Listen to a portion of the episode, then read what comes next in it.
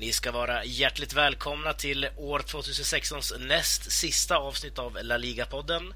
I eh, veckans avsnitt ska vi bland annat prata om helgens El Clasico. Eh, vi ska även prata om måndagens eller januaris avgörande i Ballon d'Or. Vi har inte riktigt bestämt oss där hur det kommer bli. Vi vet faktiskt inte om vi ska vara helt ärliga heller. Ehm, vi ska även prata lite grann om Europa League eh, som däremot vi vet avgörs nu på torsdag eller imorgon då när detta sänds. Och så ska vi söra en hel del om Sevilla denna vecka. Daniel Jakobsson heter jag och med mig som vanligt har jag Sam Saidi som inte var särskilt nöjd vad jag förstått efter de två förlorade poängen på Camp Nou som du sa då Sam. Eh, hur mår du nu? Ja, jag mår bra. Eh, var väl lite... Eh, på något sätt så satt jag där i tv-soffan och tänkte att ah, snart kommer Ramos upp och nickar in den där kvitteringen. Det var ju precis det som hände. Ja. Så, det var inte så jag är inte så förvånad om jag ska vara ärlig. Så att, eh, det blev ingen så superreaktion direkt i, under händelseförloppet. Nej, du, du kanske kommer kom ihåg förra veckan när vi tippade just El Clasico så sa mm. jag att eh, Real Madrid kommer kvittera i slutminuterna. Eh, vid en hörna sa jag då. Det var ju en frispark så det var ju nästan samma sak. Ändå. Ja, verkligen. Ja, eh, men eh, det, vi, vi, vi återkommer till klassiker alldeles strax här tänkte jag. Eh, men med oss den här veckan har vi även Svenska fans Spanien-redaktör Jens Kastnert som gör sitt andra inhopp för den här säsongen och eh, kanske det femte, sjätte någonting inhoppet totalt. Eh, välkommen tillbaka Jens! Tack så mycket! Hur mår du? Jag mår bra. Ja. Precis kollat klart på Sevilla-matchen här och konstaterat att de är vidare i Champions League, men vi kommer komma in i det lite senare. Precis, men det Så känns att, bra. Ja, det, det känns bra. Ja, härligt som det ska vara. Liksom Sevilla i, slutspelen då, det är jäkligt kul måste jag säga. Ja, det är ju nästan lite synd att de vidare i Champions istället för att de ska få hem Europa League som vanligt. Ja, just det. Fjärde året i rad, ja. ja, det brukar ju vara så. Eh, men vi, som sagt, vi kommer återkomma till Sevilla i del två av det här programmet. Eh, men först och främst ska vi som vanligt hoppa på veckans fråga eh, som denna vecka är inskickad av Marcus Rosendal och jag tror att det är hans tredje fråga han har fått in här i podden ungefär.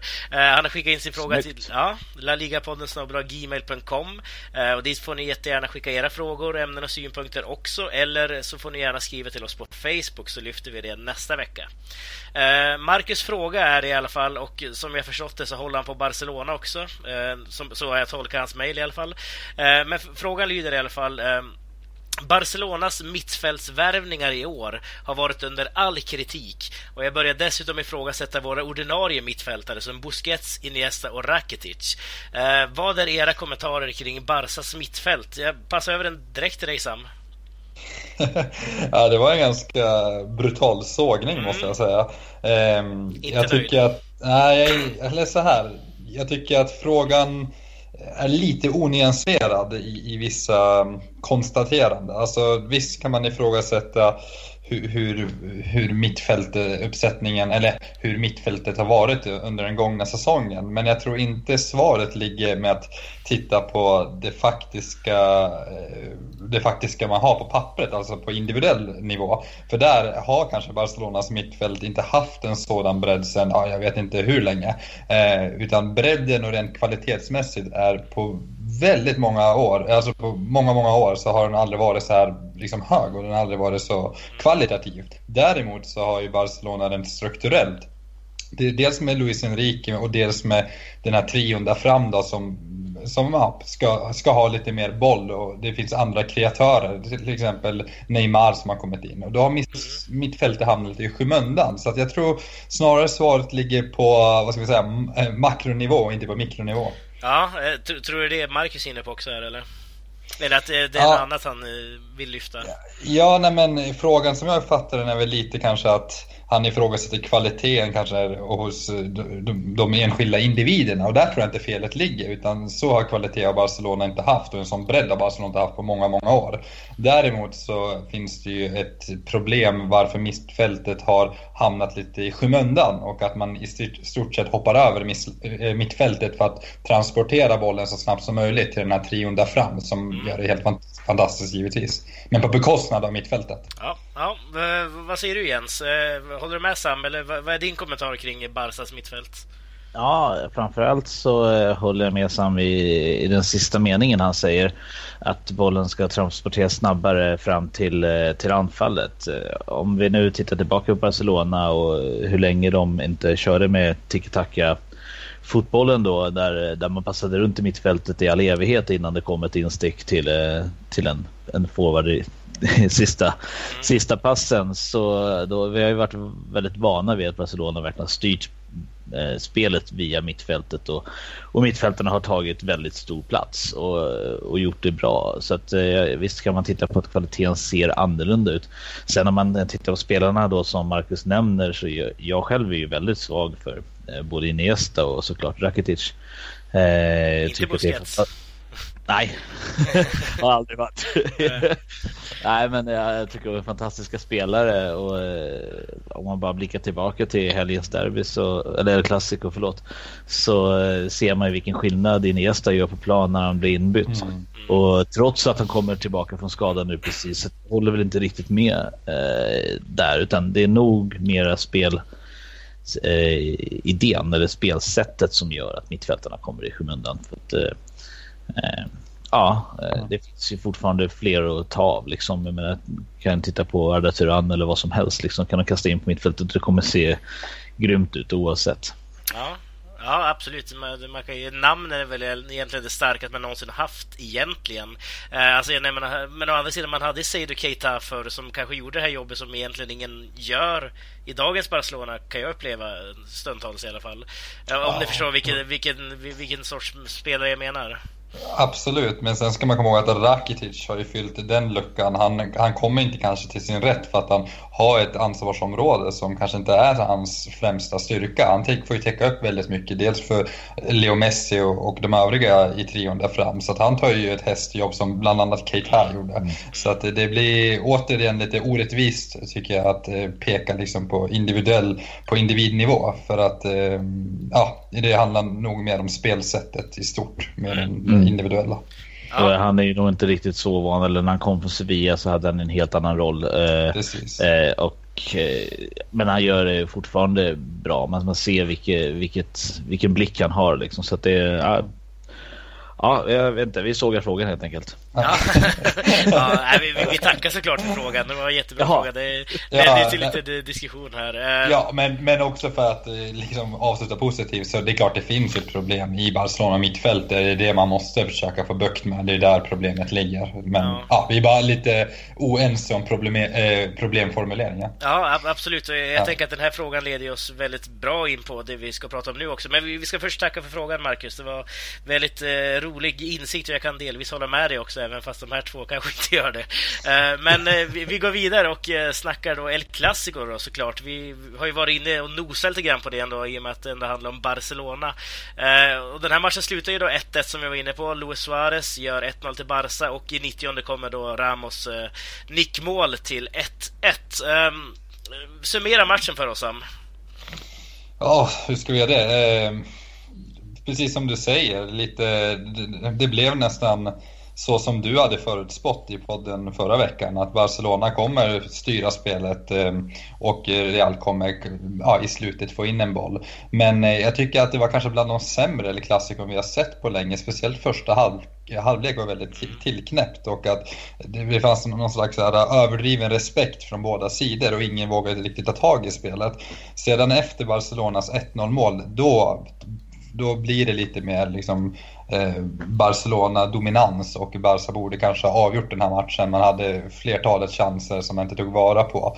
Eh, och, och, då blir det så också när man har sådana kvalitetsspelare som Sergio Ramos och Modric och eh, ja, hela gänget där så klart att det behövs ju bara en tillfällighet så är det ju kvitterat och det var precis det som hände. Men i det stora hela en ganska tråkig tillställning. Det, det blev lite roligare när Barcelona gjorde 1-0. Det öppnade upp lite mer realtryck framåt och Barcelona blev lite mer bekväma i sitt spel. Ja, jag tycker man kan se lite grann på byten här också. Det kanske ni håller med om också. När man sätter in Casemiro istället för Isco, eh, Marco Asensio istället för Benzema. Jag tror att Zidane visar någonstans att det är liksom på mittfältet vi ska kriga och vinna någon, någon kamp liksom som ska leda till någonting. Och det gjorde det också i slutändan. Ehm, men varför får de inte liksom hål fler, eller oftare, Jens, på det här Real Madrid-laget ändå. Jag menar, Barca är ändå känd för att göra många mål även i El Clasico, men det, det har liksom avtagit nu lite grann här. Mm, eh, och där är vi väl också lite tillbaka om man tittar på mittfältet och så. Jag kan tycka att den första delen av matchen var att eh, man, man, fick lite vibbar som det såg ut för ett par år sedan. Där det var eh, väldigt fysiskt spel nu igen. Jag tycker att det lugnade ner sig här ett tag med, med mera respekt till spelarna och att man inte alls gick in lika vårdslösa i tacklingar och sånt där. Utan det var, den var väldigt tuff. Den var... Eh, ganska fula tilltag emellanåt och, och reaktioner därefter mm. på spelarna. Ibland sådana eh, domarstormningar som vi kunde se. Mm. Lite av den tendensen där och jag tror att den tappade lite, lite tempo för mig. Det var inte så att det var en, en, dålig match egentligen skulle inte jag säga men en väldigt väldigt fysisk och så. Och, och vem det gynnar det vet inte jag riktigt där men alltså Madrid känns mera som ett, ett lag. Mm. Ihopspelat lag och fungerar bättre mellan lagdelarna. Liksom att man inte ser, det är inte så uppenbart liksom. Här uppe har vi tre tunga anfallare och sen så har vi eh, mm. försvaret här bak och däremellan någonstans så är det här liksom. Och vi har, som du säger, har vi Modric och eh, i första halvlek så spelar också Kovacic och eh, liksom med, tillsammans med Ramos och Varane på backlinjen och, och Isco emellan där så har du liksom hela, hela centrala delen är ju, är oerhört kompakt så jag kan tänka mig att det är, det är väldigt svårt att få hål på dem såklart. Ja, eh, och jag menar det är ganska lätt att se vilka som tjänar på det här också. Det tror jag de flesta kan notera i och med att det fortfarande är sex poäng upp till eh, Real Madrid för Barcelona. Då. Men varför kan, man, var, varför kan inget lag besegra Real Madrid, Sam? Det här är någonting vi diskuterar om och om igen, men det är ju mm. någonting ändå. Alltså, vi kan inte bara säga att det är tillfälligheter. Vi kan inte säga att Zidane bara kör sitt race, utan det är ju någonting i det här laget som verkligen är starkt. Och det, det bevisar de här också någonstans. Jo, men jag tror om man ska hitta någonting så är det väl det Jens är inne på. Det, det Real Madrid är på, ja, på väldigt, alltså det är väl första gången på väldigt, väldigt länge man verkligen ser ett lag och eller Real Madrid har inte pikat riktigt. Man har inte haft de här höga topparna och man har inte haft någon djup dal. Utan man har varit stabilt. Det finns liksom inte så mycket svagheter. Ehm, och jag tror där kan vi verkligen... Det i kombination också med, med, hela, med Zidans professionalism och liksom respekt som han inger. Så tror jag att det här Real Madrid mår väldigt bra. Man är väldigt trygga i, i sitt spel och hur man ska spela.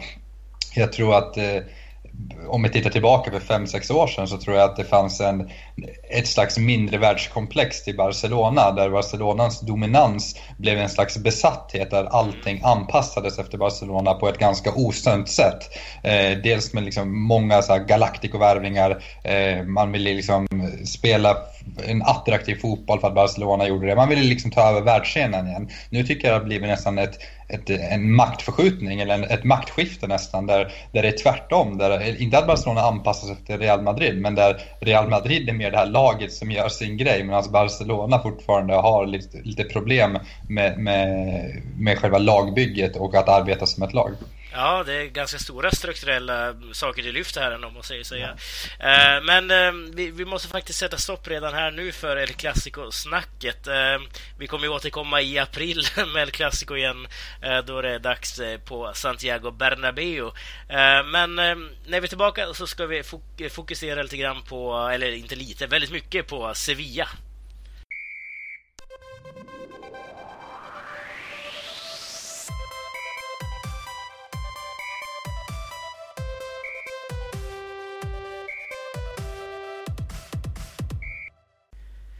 Sevilla lyckades lösa avancemanget till Champions League-slutspelet ska jag säga eh, efter 0-0 borta mot Lyon i en match med egentligen två ansikten kan man ju säga här. Eh, en mycket underhållande första halvlek tycker jag och en aningen mindre rolig andra halvlek att titta på. Eh, var väl egentligen något som speglade hela den här matchen tycker jag då. Men hur upplevde du den då Jens utifrån dina Sevilla-ögon? Eh, ja, det är klart som att man är lite färgad som man, man ser det. Men eh, i andra halvlek så, så är det ju en taktisk triumf där Sevilla i stort sett dödar matchen i och med att det räcker inte bara för Lyon att vinna utan de måste också vinna med två mål för att gå om dem i och med att de hade eh, fördel att vinna mot Lyon på hemmaplan. Eh, så hade de hamnat på samma poäng så hade de ändå behövt göra ett mer mål. Eh, och då kunde de spela ut. Jag, jag, tycker egentligen inte om när, när framförallt Sevilla ska försöka eh, spela bort matcher genom att eh, ja, ta ner på tempot eller slunda. De, de, fick, de fick eh, Leon dit de ville. Men det var ju inte heller så att det saknades chanser och framförallt inte första halvlek. Första halvlek var ju helt magisk och jag tänker eh, lite så vi kommer in på det här snart också. Men Sevilla har ofta väldigt svårt att spela på bortaplan och har haft eh, nu under två års tid. Eh, det här är en bortamatch, men det verkar bara gälla i La Liga egentligen för det här är ju en bortamatch som de egentligen spelar väldigt bra. Det är högt tempo, chanser fram och tillbaka. Vi har ramträffar åt båda håll. Eh, vi har straffsituationer som, eh, som eh, Jonas Eriksson egentligen skulle kunna dömt straff på, på bägge två. Då. Så att ja, det hade kunnat gått hur som helst den här matchen egentligen, sett i första halvlek. Men sen i andra halvlek så blir det mer att ja, de kommer ut och, och, och dödar av den taktiskt. Och, och gör det ändå fast att eh, Sampaoli då sitter på läktaren. Han är utvisad i den här matchen. Så att eh, det är ju assisterande tränare som, som styr. Och lyckas ändå eh, hitta den taktiken. Ja, alltså jag är så, så imponerad måste jag säga av en sån så Iborra på det mittfältet. Mm. Eh, alltså, som samlar upp så många bollar liksom, som de gör. Och en sån så jag liksom hyllar hela säsongen mer eller mindre. Eh, men det mest intressanta tycker jag med den här startelvan som man, San Paolo eller vem det var som slängde ut den här var att man hade ju ingen renodlad, renodlad anfallare i startelvan. Um, hur, hur, tror du man tänkte där Sam? Ja, det, det, det känns ju nästan lite Barcelona-influerat med någon slags falsk nia. Nu var det väl kanske ingen falsk nia, Vitolo eller Nasri försökte vara. Men eh, jag, jag, tror att eh, det är ju en taktisk detalj då att det, det, det, behövs inte, Sevilla behövde inte gå framåt utan man ville vinna den här matchen på mittfältet framförallt och det gjorde man ju. Och det är framförallt de spelarna du lyfte, lyfte fram, eh, en sån C i spetsen och i borra kanske, som jag också ser som ja, en av eh, La Ligas bästa mittfältare alltså, den här alltså, första delen av säsongen, en sån si. Så att, äh, det, det, jag är imponerad och jag tycker det är riktigt kul att Sevilla lyckats liksom slå sönder det här glastaket på något sätt. För det känns som att de alltid skulle, eller att de, de hör hemma i Europa League. Vi är nästan van vid det, att de ska vinna den titeln. Men nu har man liksom tagit nästa steg officiellt och det, var, det är riktigt kul för spansk fotboll. Ja, hur, hur känns det egentligen? Det måste jag ju få fråga. Hur känns det att ha Sevilla i slutspel i Champions League? Ja, men det ska bli superkul och, eh, och se vad det, vad det leder. Nu får vi se vad de, vad de ställs mot då. då. Men äh, äh, fantastiskt. Sen ja, så har vi... Varit, så jag tror ju det kommer bli svårt.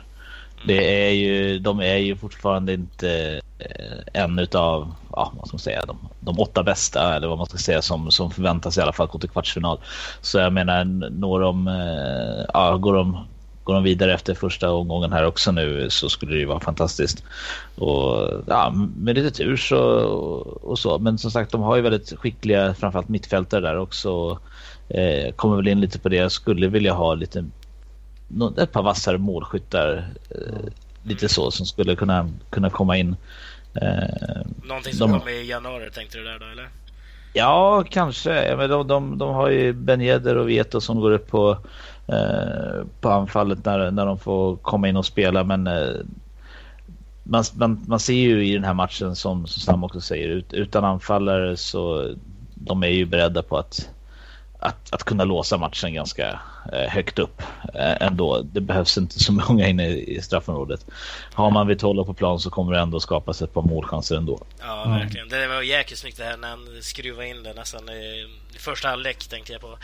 Eh, ja, ja, ja. Eller stolpskottet eller? Nej. Ja, jo, stolpskottet, ja precis. Ja, och hela det uppspelet som är liksom på one touch hela vägen. Och, ja. Alltså det, det går fort.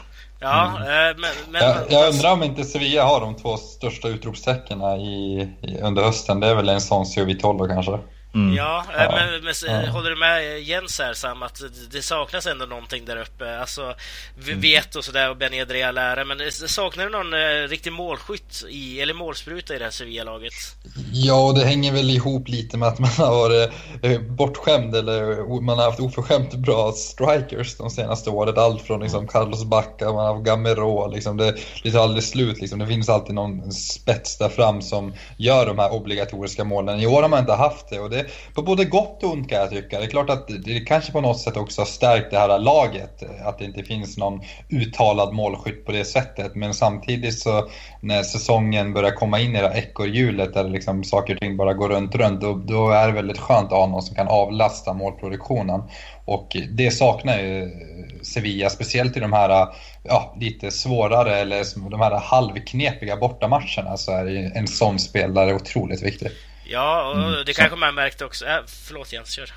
Nej, men jag var inne på det också som, som just kan vara i boxen på rätt ställe där bollen dimper ner oavsett. Eh, det behövs inte alltid vara en kontring eller, eller ett spel från, eh, från halva plan för att bygga spelet för att en mittfältet ska komma in i boxen utan han är på plats och någon kan dra ett skott eller en fast situation eller vad som helst och, och han är där och petar in den. Så var ju Backa varenda gång eller Gamiro som du också nämnde. Eh, de var ju där och petade in bollarna hur som helst.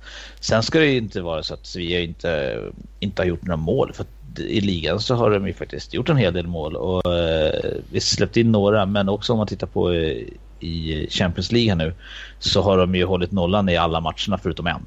Ja. Mot, ja. Och det var mot Juventus på hemmaplan. Just det. Ja, ja det, det, är ju så otroligt starkt. Det, det, är, det är ganska starkt. Ja.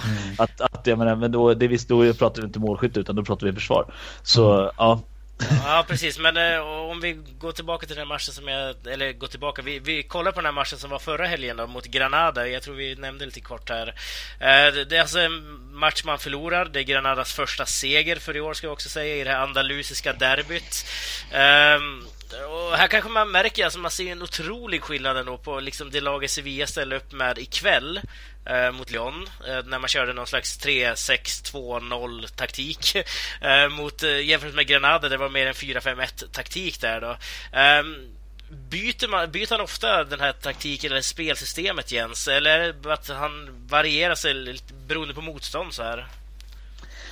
Jag tycker jag, men jag har sett ändå hans 4-5-1 då, eller 4-2-3-1 eller vad man ska uttala det, har ju ändå varit eh, grunden i, i, i Sevillas spel under hela säsongen. Eh, nu är ju Lyon-matchen lite av en, av, en avgörande karaktär i och med att det är sista matchen och och Sevilla har alltid egna händer egentligen så länge de inte släpper in mål. Så jag förstår ju att, eh, att man kan ställa upp med 4-6-0 liksom. Eh, på, på det sättet. Men eh, ofta så handlar det om att det är en topp. Veto, brukar ju, Veto startade ju för övrigt mot, eh, mot Granada då. Eh, och eh, ja, en sån men då var det heller inte i båda som start utan då startade ju Kranevitter. Han kommer ju för övrigt in här ikväll men eh, eh på, på mittfältet och så. Så att eh, ja, 4-5-1 är väl en standard standardspelsystemet och mm. det funkar men ja, det kan finnas, skulle kunna finnas lite mer spets. Ja, och så kan det bli så här 2-1 förluster mot Granada liksom. Eh, men eh, hur ser du på den här matchen generellt då Sam? Eh, Granada tar alltså sin första seger för säsongen. Sevilla förlorar återigen på bortaplan. Hur, ja, men kommentera matchen. Ja, nej men på något sätt så känns det som att Sevilla inte kommer upp i normalstandard och det här är ju det här är väl kanske också något som kännetecknar ett lag som är mellan den absoluta toppen och liksom ändå ganska långt över det övre eh, mittenskiktet. Då. Eh, och det hänger också ihop med att man inte har eh, den här, den här absoluta målskytten som kan ja, kliva in i sådana här lite halvknepiga bortamatcher. Sen får man inte glömma att Granada gör en bra match. Eh, man, man, man straffar Sevilla och eh, ja, helt enkelt tar sin första första tre poängarna för säsongen. Men jag, jag, kan inte låta bli ändå att bli besviken för här hade man ändå chansen att hänga på toppen och till och med gå om Barcelona och att man inte tar den, den det, det, ah, det är svårt att sätta ord på ibland. Ja, kan du sätta ord på det Jens? Ja, jag är skitförbannad. för att eh, saken är att man, man vinner en tung seger mot Valencia i omgången innan och, och liksom den som kändes som avgörande här går, kan de gärna tappa poäng också. Det är ganska jämna fighter med Sevilla brukar ofta dra längsta strået, ofta via tur eller ha marginalerna på sin sida. Men då har de ändå lyckats ta tre poäng där och ligger liksom på samma poäng som Barcelona inför den här eh, omgången som var. Eh, möter då Granada som ligger i botten utan segrar och de ska köra över dem. Men tittar man på liksom matchtempot, jämför det mot första halvlek mot Lyon ikväll så är det typ 30 procent av vad vi såg idag. Eh, det, liksom, passningar går inte rätt. Det finns... Eh, det, det, ingenting fungerar liksom. Och, och visst, då kan man också fråga sig, vad då, är det bara Sevilla som var dåliga eller är det, är det Granada som var bra? Jo, visst var de bra, men oavsett hur bra Granada är eller hur dåliga Sevilla är. Jag kan, jag kan tänka lite det här att de är, de är inte riktigt i toppskiktet. Men de här matcherna ska man inte förlora. Det är, det är en sån här match de ska kunna stänga igen. Lika väl som de kan göra det taktiskt mot Lyon idag. Eh, att, att ta poäng här och även liksom kunna forcera in en boll. Liksom. Det måste bara vara att kunna gneta ner dem liksom. Bara, på något sätt. Jag, jag, jag, jag, jag satt och kollade på matchen och ja, var väl inte så jätteglad kanske. Nej, äh, kan det vara någonting med San Paulos spelfilosofi då? Eller är det bara det att det är så ingjutet i det här Sevilla omklädningsrummet att vi, vi kan inte vinna borta mot Granada eller på bortaplan överhuvudtaget. Nu vann man ju mot Depor då såklart äh, sista minuten. Men det ska vi inte prata om. Sam, vad, vad säger du om det? Nej, alltså jag tror, jag tror inte det handlar så mycket om San Paulis spelfilosofi och så. Eh, tvärtom så tror jag att det är kanske hans spelfilosofi som kommer eh, få, få dem ur den här, den här eh, trenden. Utan jag tror snarare det, det, det har kanske satt sig lite mentalt också att det, det, det behövs saknas en vinnarkultur på det sättet som där man bara är på löpande band kontinuerligt ta de här eh, segrarna mot de lag som man förväntas faktiskt slå. För där jag liksom tänkte att Sevilla kanske ska tappa poäng, det är väl om de möter ett Espanyol borta. Liksom en sån match tror jag de till och med skulle kunna lösa i dagsläget. Men just att de kan förlora mot de som verkligen är i det här bottenträsket. För man kan ändå se att det är liksom Granada och Sassona ja, Gijon kommer också hamna där eh, och bli ett större glapp. Där ska det vara sex, eller sex poäng för att man ska vara ett topplag. Och det här är någonstans ett bevis på att, eh, ja, när vi summerar säsongen, att det kanske det som gör att Sevilla, att det kommer kanske bli ett glapp i slutändan mellan eh, Barcelona, Real Madrid och Sevilla och kanske till och med Atletico för den delen. Ja, hur ska man undvika det här glappet som Sam pratade om då Jens? Är det liksom är det någonting sportsligt såklart, det är, det ändå resultatet vi är ute efter här. Men alltså, eh, förstår du vad jag menar? Vad, vad ska man gneta sig mm. till här? Eh, jag tror ju att Sevilla har ju alltid haft eh, en bra struktur i, i klubben. En bra sportchef eller bra värvningar. De, de säljer jättemycket spelare som av dunderkvalitet får in okända spelare, lyckas med dem, eh, lyckas hänga här år ut och år in liksom med även då Europa League-platser och så blev vi omkörda där. De drog jämnt med Atletico egentligen fram tills ja, året innan eh, Simeone klev på eh, tränarrollen för då började de dra ifrån och, och sen dess har de haft det svårt. Men nu då i en sån här säsong när på pappret har väl inte Sevilla ett bättre lag än Atletico utan det skulle jag säga tvärtom men, men de lyckas ändå få ihop laget på något bra sätt. Eh, och i, jag har ju gillat de föregångarna i, i Sevilla, alltså tränarna.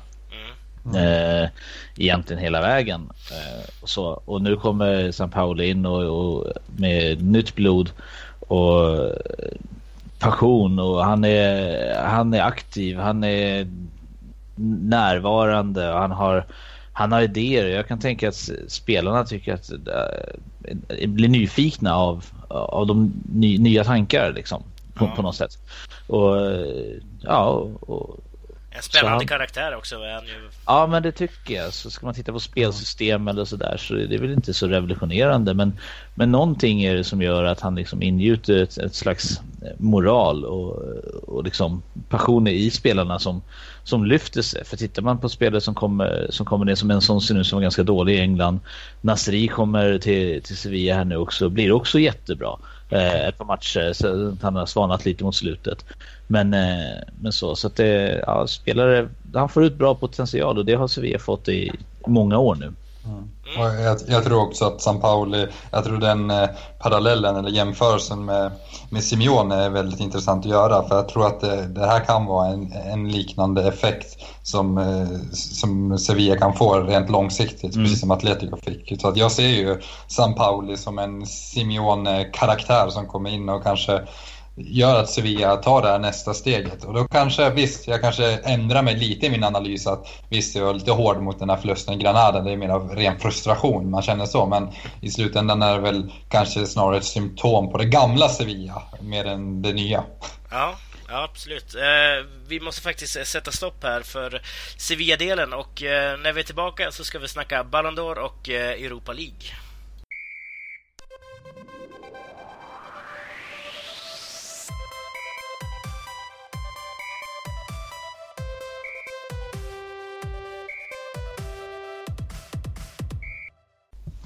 I denna tredje och sista del ska vi bland annat prata om torsdagens avgörande i Europa League som i högsta grad är eh, aktuellt. Eh, men jag tänkte faktiskt att vi skulle börja att prata lite grann om eh, Ballon d'Or-utmärkelsen som vi efter lite research har listat ut att den delas ut på måndag tisdag, ska jag säga.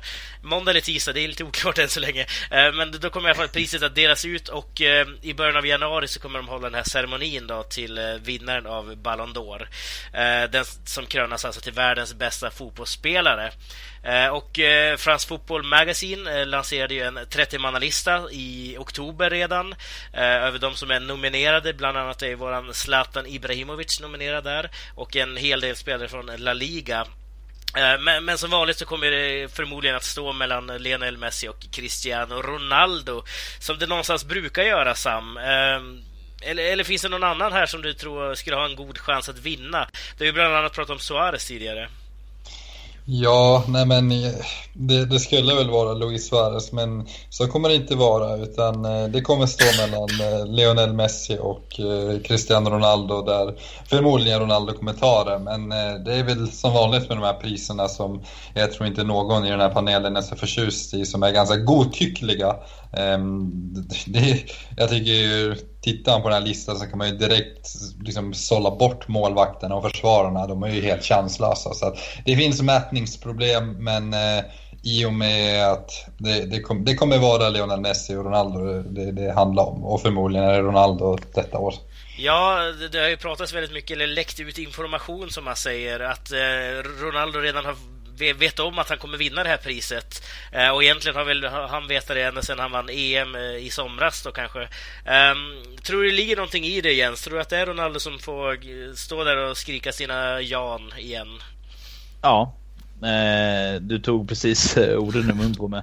Eh, I år om något så är det mest klart från början för att eh, tidigare så har ju inte han haft någon titel från eh, landslaget att eh, stoltsera med, vilket han har i år med EM-guldet. Så jag säger att det står nog inte så mycket mellan Messi och Ronaldo utan det, det är Ronaldo som tar det här. Ja, ingen annan nominerad som du skulle vilja lyfta fram där? Eh, inte som skulle kunna som, som kommentarer, absolut inte. Sen finns det såklart många bra spelare där. Jag skulle ju tycka det var, var kul om en spelare som Kocke från eh, Atletico Madrid skulle hamna bland de eh, högre eh, positionerna om man säger eh, i omröstning eller så. Eh, Neymar som vi, som vi sa innan, Messi, Ronaldo, Griezmann och de, de kommer ju komma högt så det vet vi. Men sen innehåller den här listan en massa spelare så man känner att vad gör de där? Ja, nämn den. jag, skulle, jag säger rakt av Pepe. Ja, Pepe. vad säger du Sam? Eh, angående Peppe eller? eller ja, angående listan generellt liksom. Det någon du saknar eller någon som du absolut inte förstår varför de är där? Eller, ja. Nej men eh, visst, Peppe kanske... Ja, det skulle väl kanske vara Jamie Ward. Jag vet inte vad han gör där oavsett om han vann Premier League och gjorde massa, massa mål så är det ingen eh, fotbollsspelare som är hemma på en topp 30-lista. Eh, en, ja, då, skulle han, då skulle han ju ändå vara den bästa då eh, från Leicester som, som skulle vara på listan. Nej, men då har de också nominerat Riyad Mahrez från Leicester också. Ja. Så här, jaha. Men om jag, alltså, om jag säger var... så här då, alltså Filipe Coutinho, är inte han en bättre spelare än Riyad Mahrez exempelvis? Jo, det är han. Och sedan så kan jag tycka, att skulle man valt någon ur Leicester så skulle det så vara kanske vara Kanté. Eh, så att det här är väl också ett symptom på att man prioriterar liksom poängspelare snarare än att man faktiskt gör någon slags försök till objektiv bedömning. Ja, ja det, det, är lite svårt såklart. Och sen eh, lite, lite nytt för i år också, eller vi har gått tillbaka till något nygammalt. Um, eller nugammalt säger man väl. Eh, det här med att journalisterna ska avgöra någonstans vem som vinner priset. Nu har vi diskuterat här, så vi är lite oense om det verkligen är så eller inte. Uh, men det, som jag har förstått så är det alltså journalisterna som återigen utser vinnaren. Uh, ser du någon problematik med det Jens, eller tycker du att det är bättre att de, expertisen så att säga, gör det? Alltså jag kunde ju ändå tycka om att, eh, att det var, eh, jag tycker det ska vara spelarna liksom. Innan har det också varit förbundskaptener från eh, diverse olika landslag plus journalister och, och några spelare och sådär också. Men eh, jag kan tycka att eh, alla som spelar i de här lagen, eller i alla lag om man säger i elitfotbollen, borde kunna rösta istället. Ja, det, ja nu, nu, blir det någon slags elitism nästan. Uh, nu får ju inte Gabons förbundskapten rösta längre, vilket är tråkigt. Uh, vad tycker du Sam? Nej, men det är väl... Båda, båda systemen har ju sina för och nackdelar. Det är klart att det ena känns väl mer demokratiskt medan det andra känns mer rättssäkert höll jag på att säga. Eh, det känns. Ja, i och för sig. Spelare kanske de röstar på sina polare. Ja, precis. Och sen så kan man väl se det även i det, i det gamla systemet. Så en Erik Hamrén som alltid röstade på Zlatan Ibrahimovic. Jag menar, det är klart att det, det blir ju lite... Och alla landsmän backar varandra. Så jag vet inte, det är klart det finns fördelar. Jag, jag jag har blivit lite mer elitistisk här på senare år, även om jag inte vill erkänna det. Ja, okej, okay, så du, du gillar det här nya liksom? Ja, Eller nu gamla, ja, ja. om man säger så. Jo, precis. Det är en gammal platonsk tanke faktiskt, som att filosoferna längst upp styr. Och, ja, men tyvärr så tror jag ändå att det kommer bli de här populistiska valen, att det står mellan Messi och Ronaldo, snarare än att vi kanske får en uh, Jamie Wardy som vinner det här priset, eller en uh, Müller, eller vem det kan nu vara, som säkert har gjort lika bra för sin klubb som kanske de här två har gjort. Jag är ju ofta inne på, eh, som, ja, som alla vet som har hört den här podden förut, med att jag gillar Europa League och lite underdogs och sånt. Så jag tycker absolut det är roligare om, om eh, mindre spelare, ska jag inte säga, men eh, spelare som kanske inte är så eh, dominanta i, i liksom att man gör hundra mål i, i, en klubb eller så. Så det är roligt om de också uppmärksammas på något sätt. Ja, så vi kan väl egentligen bara bestämma det som att det, att det borde vara de som sänder podcast får, får rösta. alla, alla med La Liga-podd får avgöra. Ja, uh, alla, som, alla, alla som har Liga-podd. Ja, precis. Men uh, vi, vi måste faktiskt droppa Ballon d'Or. Vi kommer ju såklart återkomma till det om det nu är så att priset delas ut nästa vecka eller om det är om flera veckor. Det, det får vi se. Vi, det är såklart allting uh, nu när de har gjort om hela systemet här. Men vi, vi, ska snacka om Europa League. Du var inne på det lite kort här. Um, vi, vi, har ju tre spanska lag um, i Europa League nu och vi kommer ha det resten av uh, tiden också i och med att alla andra spanska lag i Champions League nu gick vidare, vilket vi tycker är jättekul. Uh, men uh, Athletic Bilbao är ju redan klara för slutspel och uh, tänkte att vi ska fokusera de sista minuterna här på Villarreal och Celta Vigo eh, som faktiskt lever ganska farligt i de här grupperna Eh, Villarreal har ju hemmaplan nu mot Steaua Bukarest i en otroligt viktig match. Man ligger ju sist i den här gruppen. Man måste ju vinna, verkligen. Eh, och Celta Vigo möter upp Panathinaikos borta. Ehm, Panathinaikos som har en poäng då, men Celta måste ju också vinna där och hoppas på att Ajax tar poäng, eller vinner över Standard Liège här då.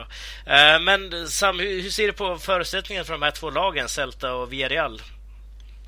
Villarreal ser det ganska bra ut för. Jag tycker den gruppen är ju helt fantastisk. Den är så otroligt jämn.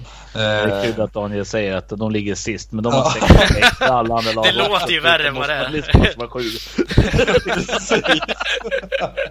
det var exakt det jag tänkte. Det, ser ganska ljust ut om jag ska vara ärlig. apropå problemformuleringar. Eh, så, eh, nej men de, de kommer lösa det. Däremot är jag ju mer orolig för Celta Vigo som eh, ja, dels måste försöka lösa en ganska krånglig match, en svår match. Eh, för att sedan också hoppas, som du säger, på Ajax att de, de sköter sitt och bara Ajax är klara. Jag tror de kommer lufta sin trupp. Så att, nej, det, det känns nästan mer eller mindre kört för Celta Vigo. Jag tror Standard, Standard Liège kommer slå Ajax, eller ta på, ja, slå Ajax hemma. Ja, exakt. De har ju Ajax hemma dessutom, vilket inte gör det lättare ja. för Guidettis mannar, eller Guidettis gäng ska jag säga, det är ju inte hans lag. Eh, lätt, lättare överhuvudtaget. Men eh, hur ser utgångslägen ut, tycker du, för de här respektive lagen, Jens? Ja, jag, jag håller ju med. Det som, som tabellen ser ut också. Celta Vigo har också lite, eh, lite svårare också. För just mot Standard Liège så har de ju spelat två matcher 1-1 här. Så att eh, av inbördes möten så kan de heller inte tillgodoräkna att om de hamnar på samma poäng så går de om. Så att eh, Celta Vigo måste vinna eh, helt enkelt. Eh, oavsett. Eventuellt ganska stort också då för målskillnadens skull. Ja, beroende på vad Standard Liège mot Ajax där ja. som sagt. Men sen ska man ju veta att möta, även om Panathinaikos bara har en poäng i, i gruppen så möta dem borta i Grekland är inte lätt. Nej. De har för övrigt ganska bra form i ligan så ja, eh, det blir en svår match så jag, jag håller nog med Sam. Det kan bli Celta som ryker och Villarreal som eh, klarar det. Ja, vad betyder det då Jens för Celten och som ändå kom in med stor entusiasm i den här turneringen att nu ska de äntligen ut i Europa så går det så här. Vad betyder det för klubben? Alltså det, jag tror inte det kommer betyda så jättemycket för att precis som du säger så eh, det är ingen klubb som vi har sett spela i, i Europa frekvent. Nej. Så att, att de har kommit hit och, och gör en första säsong och eh, är ändå godkänt liksom, oavsett om de åker ut. Men sen så handlar det om vad, vad, vad man tar med sig från det och vad man kan lära sig av det om de åker ut. Eh, klarar de eh, ligaspelet så pass bra att de kanske kan spela i Europa nästa år igen. Ja, då kanske man har en helt annan erfarenhet när man går in och, och vet hur man kan eh, formulera ett, ett, ett, lag. Eller, eller som nu då om man, om man tar exempel som Sevilla har ju ändå gjort en hel del lärdom av att spela i Europa-ligan. Att de har lärt sig stänga matcher mot Lyon och, och bara spela ut den här för att ta sig vidare ganska enkelt trots hur matchen såg ut ikväll som vi pratade om då. Men, ja. Eh, ja. Så ja. jag tror inte att det är, det är, inget, det är inget synd om dem. Det skulle vara såklart kul om de kom vidare men eh, de kommer ta lärdom av det här. Ja, alltså låt säga nu att vi står här 23.00 ikväll då när programmet sänds och eh, vi, vi kan konstatera att Celta Vigo har åkt ut ur Europa League. Um, hur skulle du sammanfatta deras eh, Europasäsong då, Sam? Eh, håller du med Jens om att den ändå får ses som godkänd? Ja, det, det, problemet är väl att det enda godkända, eller icke godkända resultatet skulle vara att man hade och åkte, eller åkte ut i Europa och skämt ut sig och inte tagit en enda poäng och låt säga släppt in massa bollar och inte producerat någonting framåt, ja då hade det kanske känts tungt. Men nu, nu är det, precis som Jens är inne på, det är mer en bonus. Det fanns, det fanns kanske inte de här jätteförväntningarna. Men sen vet väl kanske vi som följer La Liga att det finns en oerhörd eh, Eh, hög högsta nivå hos Celta Vigo så att vi vet ju vad de kan prestera. Och ser man det ur det perspektivet så kan det ju kännas att ah, det här skulle man gjort bättre. Men å andra sidan så, det finns för och nackdelar. Nu, nu ligger man på en nionde plats i ligan. Det är väldigt jämnt både upp och ner så det kan vara bra för, Sevilla, eller för Celta Vigo att åka ut. Eh, jag tror att de inte har bredden heller och orken riktigt att köra på två fronter. Nej, och väldigt svår grupp måste man också säga. Jag menar Ajax, Analytics och Panathinaikos ja. hade kunnat vara en Champions League-grupp för om vi hade spolat tillbaka tre, fyra år sedan. Mm. Eh, så att bara det är också imponerande på något sätt att man har varit där och slagits med de här. Och det var ju lite så som hände med Villarreal för när de, när de var och spelade Champions League-omgången där och inte tog en enda poäng och åkte ut eh, så, måste, så gjorde det bra för klubben ändå. Idag ligger de femma i ligan och har chans att också gå vidare nu i, i Europa League. Så helhetsfacit blev ju mycket bättre att, äh, än, än, att komma in i Champions League och hamna typ på 14 plats i ligan och sen åka ur är inte så jättebra. Eh, istället för att man är uppe och krigar i toppen i ligan och har chans att gå vidare i gruppen och så. Så det, eh, det är klart att de tar lärdom. Ja, ja precis. Eh, sen Villarreal-grejen också, det var ju mycket runt omkring där när Marcelino försvann och Frane Skriva kom in och så vidare. Eh, mm. Som förmodligen påverkade. Det är klart att de ville gå vidare till Champions League, men nu vart det inte så. Och som du säger, det har gått bra ändå. Eh, men mm. vi måste börja faktiskt runda av här hörni. Vi kommer ju summera Europa League även nästa vecka, då vi vet hur det har slutat. Eh, och sett hur det har gått för Celta Vigo och Villarreal, det måste vi följa. Det är ju två separata tider också, så man hinner följa båda matcherna. Eh, vilket är väldigt kul, tycker jag. I alla fall som fotbollssupporter. Eh, mm. Men vi ska tippa veckans match. Eh, förra veckan så tippade vi då givetvis eh, FC Barcelona mot Real Madrid. En match som slutade 1-1, som vi har diskuterat här i podden. Förra veckans gäst Ludvig Franquis tippade ju faktiskt 1-1, så det är ju snyggt av honom att han fick in den. Sam, du tippade ju 2-1 till ditt Barcelona. Det gick ju inte in. Eh, och jag tippade 2-2 i den här matchen. Eh, jag trodde det skulle bli lite mer mål och lite mer underhållning än vad det faktiskt var. Eh, denna vecka så ska vi då tippa Celta Vigo när vi ändå var inne på dem och Sevilla när vi ändå har varit inne på dem också tänkte jag. Mm. Så att Celta Vigo, Sevilla. Jens, vad säger du? Uh. Ja, och så är det ju borta match. Mm, precis. eh, och så, eh, ja, vi får väl hoppas att Celta Vigo har gett allt att försöka ta sig vidare i, i Grekland där. Och är, är lite trötta i och med att Sevilla spelade också idag så har de en dag mer vila. Så att eh, Sevilla bryter den där eh, match, eh, borta trenden igen. De, de var bara ner och vände lite snabbt så att de vinner med 2-1. Men, ja, 2-1 vände lite snabbt där mot uh, Deportivo La Coruña. Uh, 90 minuten. Det, och jag har inte smält den matchen än. Den, den var tung alltså. Vi hade den matchen. Nu, jag vill ja. bara lägga in det också innan vi avslutar på det. Depor vann ju faktiskt med 5-1 mot Real Sociedad. Uh, Okej, okay, men Sam, vad säger du då? Celta Sevilla? Ja, jag tror att eh, man kommer steppa upp jämfört med ja, senast då, mot Granada och ta ett kryss. Oj. Det, eh, det är starkt, det är magstarkt. Ja, det är starkt. Nej, men det blir en, eh, ett, en stabil 1-1 match.